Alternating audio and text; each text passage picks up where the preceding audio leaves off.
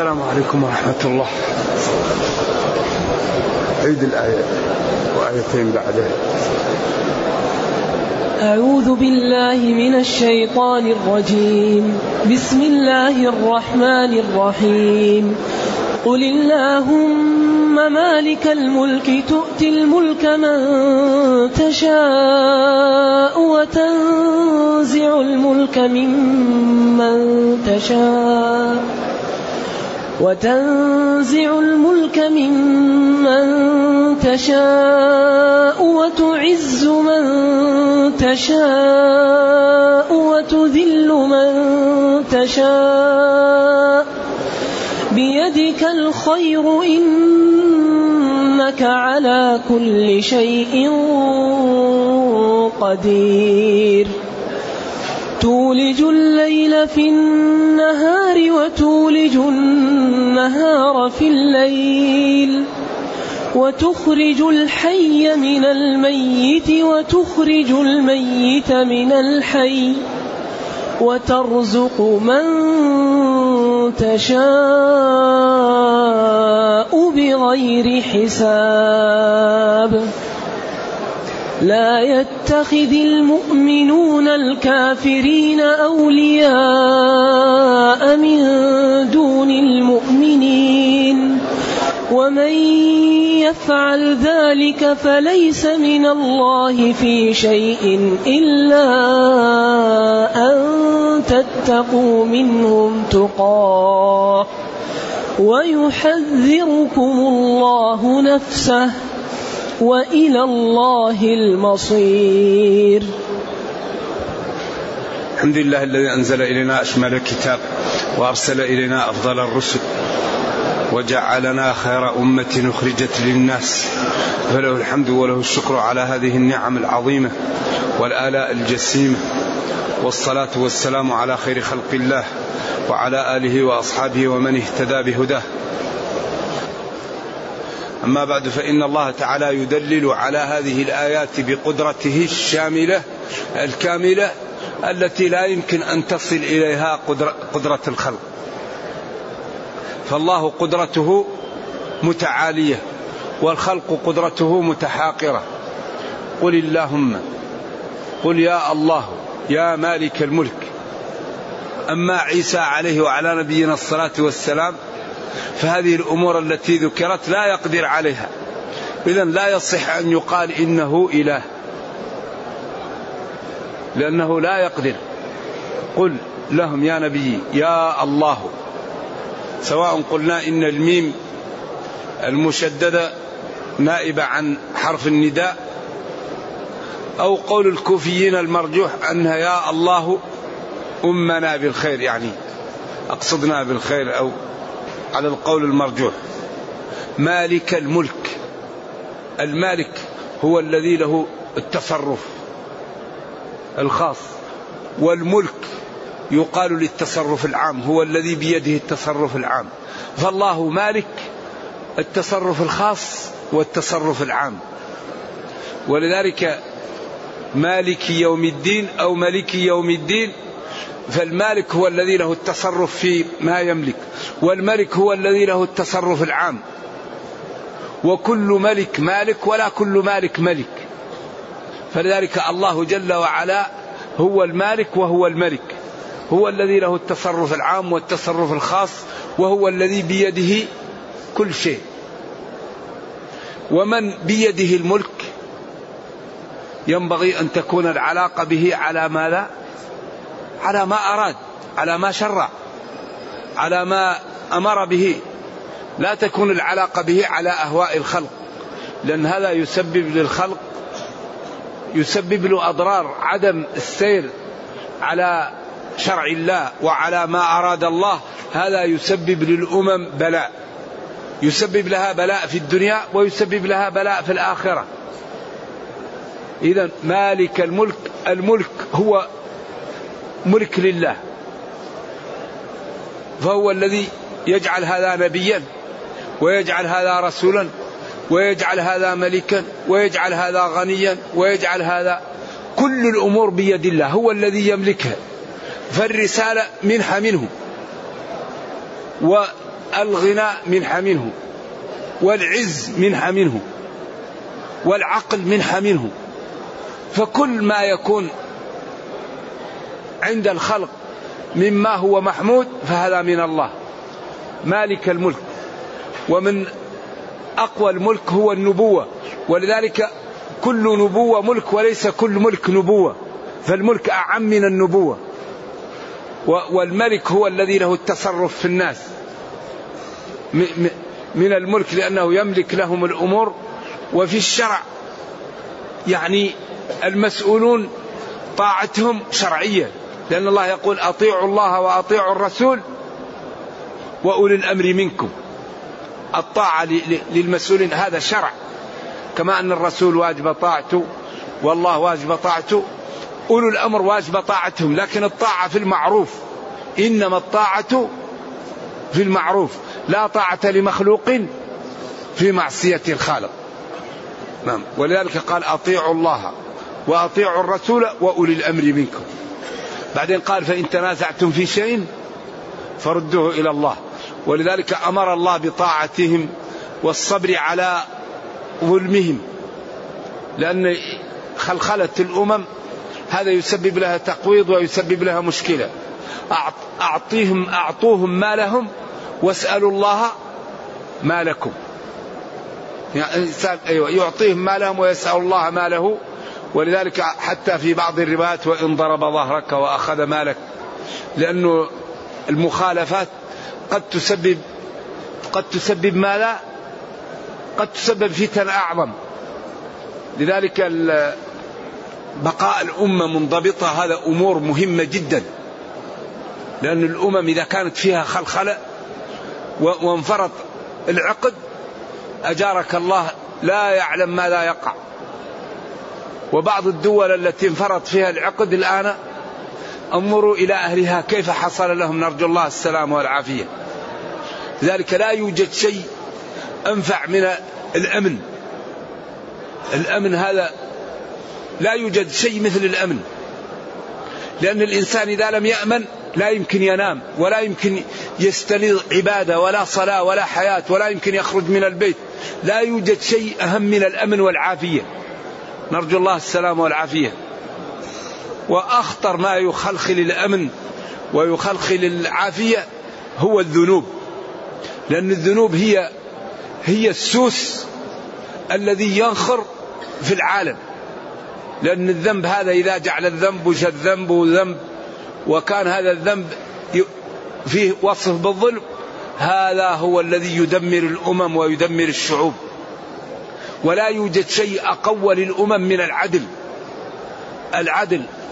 يقول الشيخ ابن تيمية رحمة الله عليه يقول إن البلد الكافر إذا كان عادل يبقى والبلد المسلم إذا كان يظلم يزول لأن الظلم يسبب الزوال. اذا يعطي الله الملك لمن يشاء. ولذلك قالت رسلهم إن نحن إلا بشر مثلكم. ولكن الله يمن على من يشاء من عباده. نحن بشر الرسل بشر ولكن الله من عليهم بالرسالة. والرسالة هي أعظم شيء يعطى العبد. إذا يعطي الملك من يشاء. لأنه هو المالك. يعطي من يشاء. ولكن هذا الإعطاء هو ابتلاء. كل ما يعطى الإنسان في الدنيا هو ابتلاء. نبلوكم بالشر والخير فتنة. لا تبلون وبلوناهم. فالدنيا كلها ابتلاءات. هذه الابتلاءات يعني تنتهي وبعدين كل واحد يعطى له درجته. يوم القيامة كل واحد يأخذ شهادته. من أخذ كتابه بيمينه نجا ومن أخذ كتابه بشماله هاؤم اقرأوا كتابية. إني ظننت أني ملاق حسابية. فهو في عيشة راضية في جنة عالية قطوفها دانية. يا وي... الثاني يقول يا ليتني ولم أدري ما حسابها يا ليتها كانت القاضية هلك عني مالية. خذوه فغلوه ثم الجحيم صلوه ثم في سلسلة نرعها سبعون ذراعا فاسلكوه. إنه كان لا يؤمن بالله العظيم ولا يحض على طعام المسكين. إذا لا عذر لنا. كتابنا من أوله إلى آخره يكرر لنا ناس استقاموا ونجوا ووصلوا القمم وناس لعبوا ولم يستقيموا فهلكوا وصاروا في أشد العذاب. وهذا لكل واحد ينتبه قبل أن يفوت الأوان. ولذلك يقول يا ليتني اتخذت مع الرسول سبيلا. يا ويلتى ليتني لم أتخذ فلانا خليلا. لقد أضلني عن ذكري بعد إذ جاءني وكان الشيطان يعني فكل شيء مبين لنا. إذا الله يعطي الملك من يشاء من خلقه. من يجعله نبيا ومن يجعله غنيا ومن يجعله عالما ومن يجعله ملكا. ملكه على الخلق. يملأ قلوب الناس من محبته ومن مهابته ومن الاقتناع برأيه فيسلموا له. وقال تنزع الملك ممن تشاء. تنزع لأن الملك ما يمكن يعني نزع نزع. قال قل اللهم ما تؤتي الملك لكن تنزع. لأن الملك إذا أعطي لا يمكن يؤخذ إلا بالنزع. الله ينزعه بأسبابه. إما بتغيير القلوب أو بأمور يقدرها الله.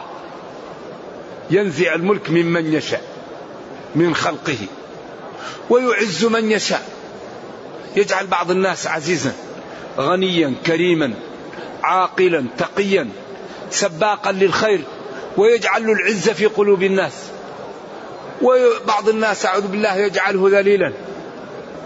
لأن أكثر ما يسبب الذل هو المعاصي الغش. الكذب النميمة. لأن المعاصي يظهر في جبين الإنسان الذل بالمعاصي. ويظهر في جبين الإنسان العز بالطاعة لأن هذا هو العز الحقيقي. العز الذي يظهر يكون الإنسان فقير ولا يملك شيئا وفي جبينه عز الطاعة. وجهه يتلألأ وعنده عز وانشراح وطمأنينة ولا يخاف ومطمئن. وتجد الواحد عنده المال والولد والجاه ومع ذلك في وجهه عز ذل المعصية. ولذلك قال للذين أحسنوا الحسنى وزيادة. النظر إلى وجه الله الكريم. ولا ترهق وجوههم قتر ولا ذلة. القتر وذلة هذا شيء مختوم على الأهل أصحاب المعاصي. الذي يعصي الله. ويمارس المعاصي ويدمن عليها يختم عليه الذل. يكون في وجهه قتر في وجهه ذل في قلبه كدر. يعني يشعر بضيق في الحياة يشعر بضيق في نفسه. إذا وينزع الملك ممن يشاء ويعز من يشاء من خلقه ويذل من يشاء من خلقه. بيده الخير. وبيده كل شيء. سرابيل تقيكم الحر وسرابيل والبرد أيضا. إذا بيده الخير وبيده كل شيء. قل كل من عند الله. أمره إذا أراد شيئا أن يقول له كن فيكن أليس من الحماقة ومن الجنون؟ من هذه صفته؟ يكون الإنسان لا يبالي بعلاقته به لا يبالي بأوامره لا يبالي بنواهيه. لا يبالي بما شرع لا يبالي بما طلب. من هذه صفته؟ ينبغي أن يخاف. ينبغي أن تنفذ أوامره. ينبغي أن تجتنب نواهيه. ينبغي أن ينظر ما لا يريد منا لنفعله. ما لا يكره منا لنتجنبه. من هذه صفته؟ يعز ويذل ويكرم ويعطي ويمنع. العاقل ينبغي أن تكون علاقته به على ما أراد. ما يمشي على هواه. إنك على كل شيء قدير. إنك يا الله على كل شيء أردته قدير. كل شيء. لا إله إلا الله. ما أوسع هذه القدرة. ما خلقكم ولا بعثكم إلا كنفس واحدة. تصور بالله كم الخلق. ما تسقط من ورقة غابات الصنوبر وغابات الأمازون وغابات كم في العالم من غابات ما تسقط من ورقة إلا يعلمها. ولو أن ما في الأرض من شجرة أقلام. كل الأشجار برية أقلام. والبحر يمده من بعده سبعة أبحر. سبعة هي نهاية العدد. ثم جعلنا البحار مدادا وجعلنا الأشجار أقلاما. وضربوا في الحصى. في البشر بلايين السنين يكتبون. لجفت البحار وتكسرت الأقلام وما نفدت كلمات الله. إذا هذه القدرة الهائلة. أليس حريا بنا أن نستقيم على ما أرادت منا؟ ما الذي نريد؟ إن أردنا الدنيا الله قادر يعطينا الدنيا. إن أردنا الآخرة الله قادر يعطينا الآخرة. إن أردناهما معا الله قادر يعطينهما معا. طيب ما الذي يريد العبد؟ العبد إما يريد الدنيا أو الأخرى أو يريدهما معا. فهي عند الله. من كان يريد ثواب الدنيا فعند الله ثواب الدنيا والآخرة. يا أيها الناس أنتم الفقراء إلى الله والله هو الغني الحميد. إذا هذه الآية تبين أن عيسى ليس إلها ولا يمكن أن يكون إلها لأن هذه الأمور عاجز عنها والعاجز لا ينبغي أن يكون إله. ثم بين أمر آخر وبرهن عليه لا يقدر عليه إلا الله يولج الليل في النهار ويولج النهار في الليل. يدخل الليل في النهار ويدخل النهار في الليل. الآن الليل كم ساعة؟ كم ساعة الليل الآن؟ 12 أو 15 14 النهار كم ساعة الآن؟ عشرة. طيب إذا جاء الصيف كم النهار يكون؟ إذا يدخل هذا في هذا يعني يأخذ من هذا ويأخذ من هذا. ولذلك الإتيان بالليل هذا والنهار لو اجتمع أهل الأرض على أن يغيره ما يستطيعوا. ولذلك من نعم الله علينا الليل ومن نعم الله علينا النهار. وامتن الله علينا بذلك فقال أرأيتم إن جعل الله قل أرأيتم إن جعل الله عليكم الليل سرمدا إلى يوم القيامة؟ من إله غير الله يأتيكم بضياء؟ قل أرأيتم إن جعل الله عليكم النهار سرمدا إلى يوم القيامة؟ من إله غير الله يأتيكم بليل تسكنون فيه؟ أفلا تبصرون؟ أفلا تتأملون فتبصرون أن هذا أمر عظيم وجسيم ولا يقدر عليه إلا الله؟ إذا بادروا بالتوبة بادروا بالاستقامة بادروا بطلب ما تريدون من الله. فمن يريد الدنيا فهي عند الله ومن يريد الجنة فهي عند الله ومن يريد الغناء عند الله ومن يريد الولد عند الله ومن يريد الوظيفة عند الله ومن يريد الجاه عند الله. ومن يريد التقاء والمحبة في قلوب الناس عند الله ولكن لا ينال ما عند الله إلا بطاعة الله. أما الذي يريد ما عند الله بمعصية الله فهذا إنسان يغالط يخادع نفسه. لأن الذي ينال النعم بالمعصية هذا يسمى استدراجا يسمى مستدرج لذلك قال العلماء إذا رأيت الإنسان يعمل المستحيل وهو غير مستقيم فاعلم أنه مستدرج أو على بدعة. إذا رأيت رجلا يطير وفوق ماء البحر قد يسير ولم يقف عند حدود الشرع فإنه مستدرج أو بدعي. هذا مستدرج. أو صاحب بدعة يأتيه الشيطان يلبس عليه. لأن الإنسان إذا ابتدع شياطين الجن لا يقصرون فيه.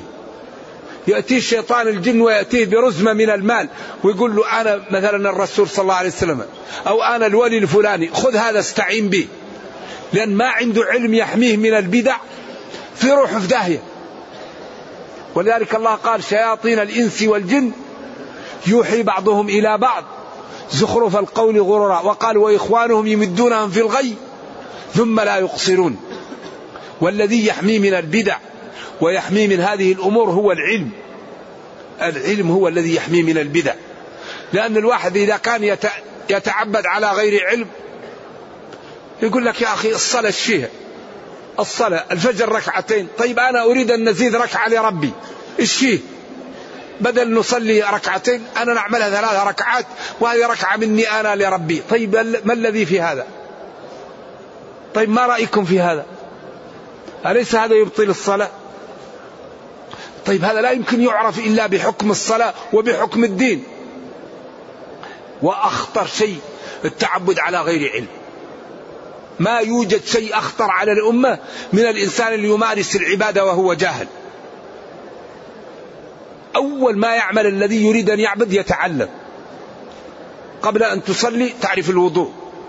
تعرف الماء الذي يوضأ به. ما كل ما يصلح للوضوء.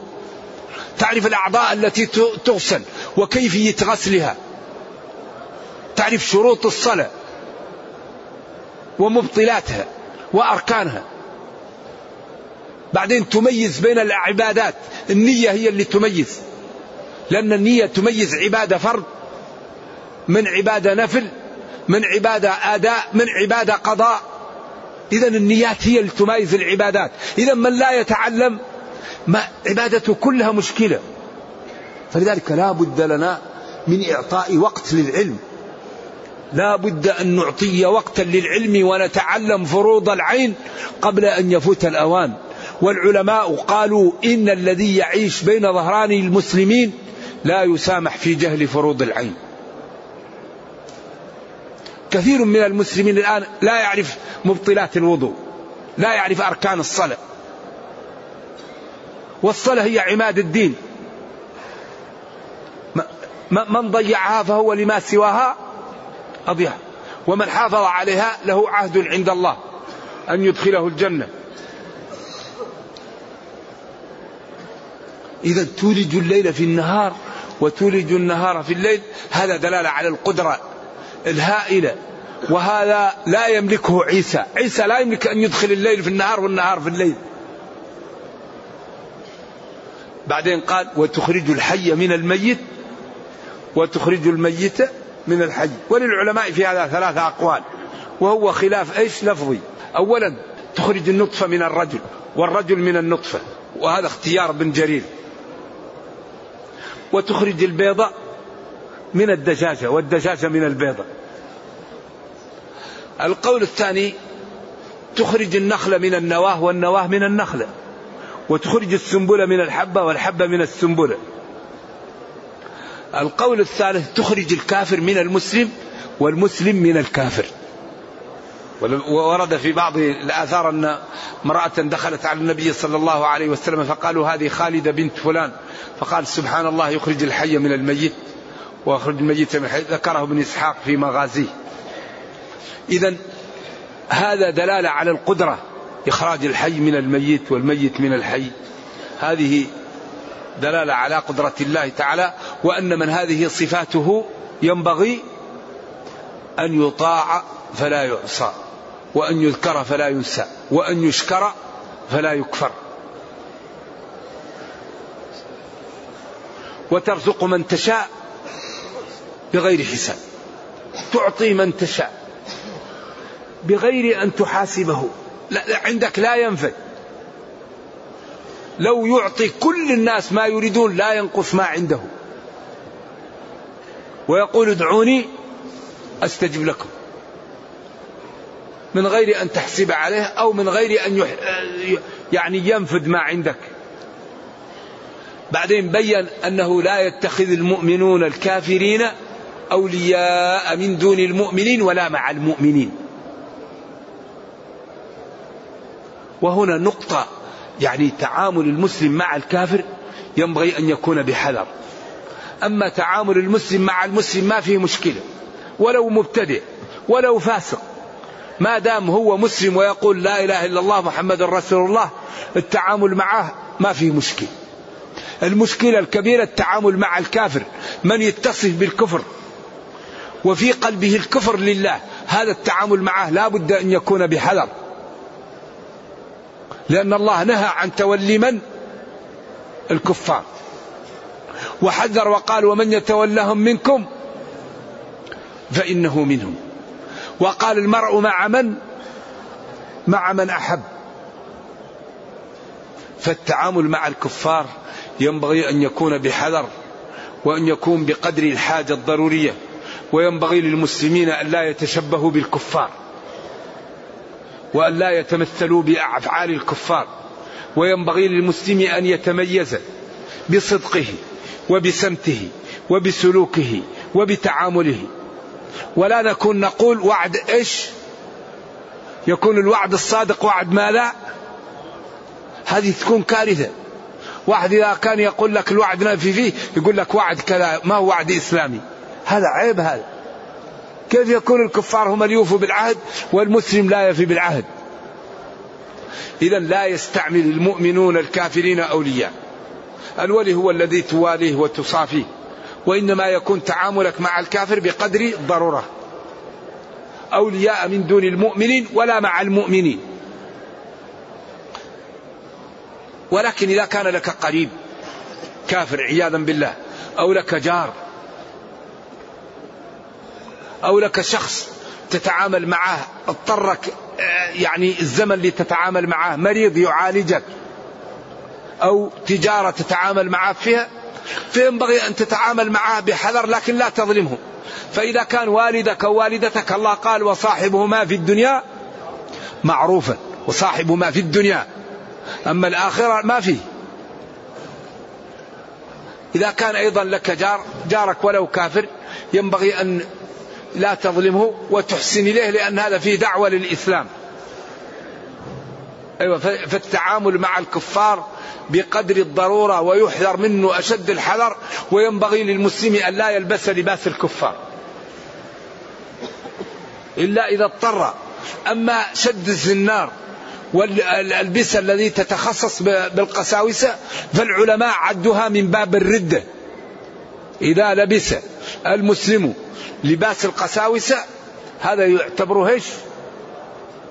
من الردة ولبس زنار يعني الحزام الذي يعمله فإن لبسه المسلم طبعا يقصد به أنه هذا خطير جدا.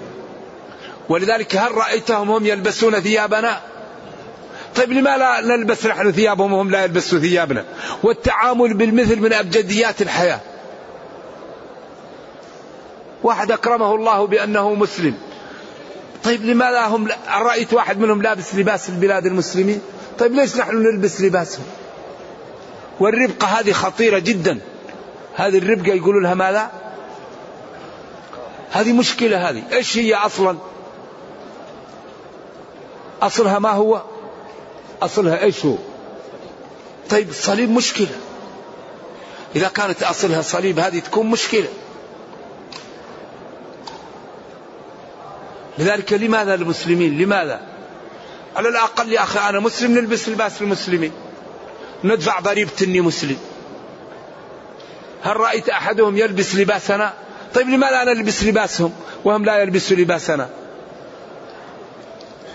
وبعدين أيضا ينبغي أوراقهم لما نحن لما نذهب إليهم لابد أن نكتب أوراقنا بماذا؟ بلغتهم. ينبغي أن يكتبوا أوراقهم بلغتنا. التعامل بالمثل من أبجديات الحياة. لكن هم يستضعفون المسلمين هم أعداؤنا. فينبغي للمسلمين الحقيقة أن يعتزوا بدينهم وبقيمهم. وأن لا يتبعوا الكفار لا يجوز لا يجوز للمسلم أن يتشبه بالكافر. ومن يتولهم منكم فإنه منهم. ينبغي للمسلم أن يعتز بدينه. ومن أحسن قولا ممن دعا إلى الله وعمل صالحا وقال إنني من المسلمين. نحن ناس أعزنا الله بالإسلام. كنا تحت الأمم الكبيرة فلما جاءنا الإسلام قدنا الناس به. ولذلك عزتنا في الإسلام والاستقامة وإظهار للناس جمال هذا الدين. فينبغي الحقيقة أن نعتز بديننا وأن نتمسك به وأن نظهر جماله وأن نتابع من يريد تشويهه ونرد عليه حتى يسكت. وينبغي يكون بين المسلمين تعاون في رفعة الإسلام والمسلمين لأن الله يقول وتعاونوا وتعاونوا على البر والتقوى. ومن البر والتقوى أن يتقوى المسلمون ويظهروا للناس جمال هذا الدين. إذا لا يتخذ المؤمنون الكافرين أولياء من دون المؤمنين. ولا مع المؤمنين. ومن يفعل ذلك فليس من الله في شيء.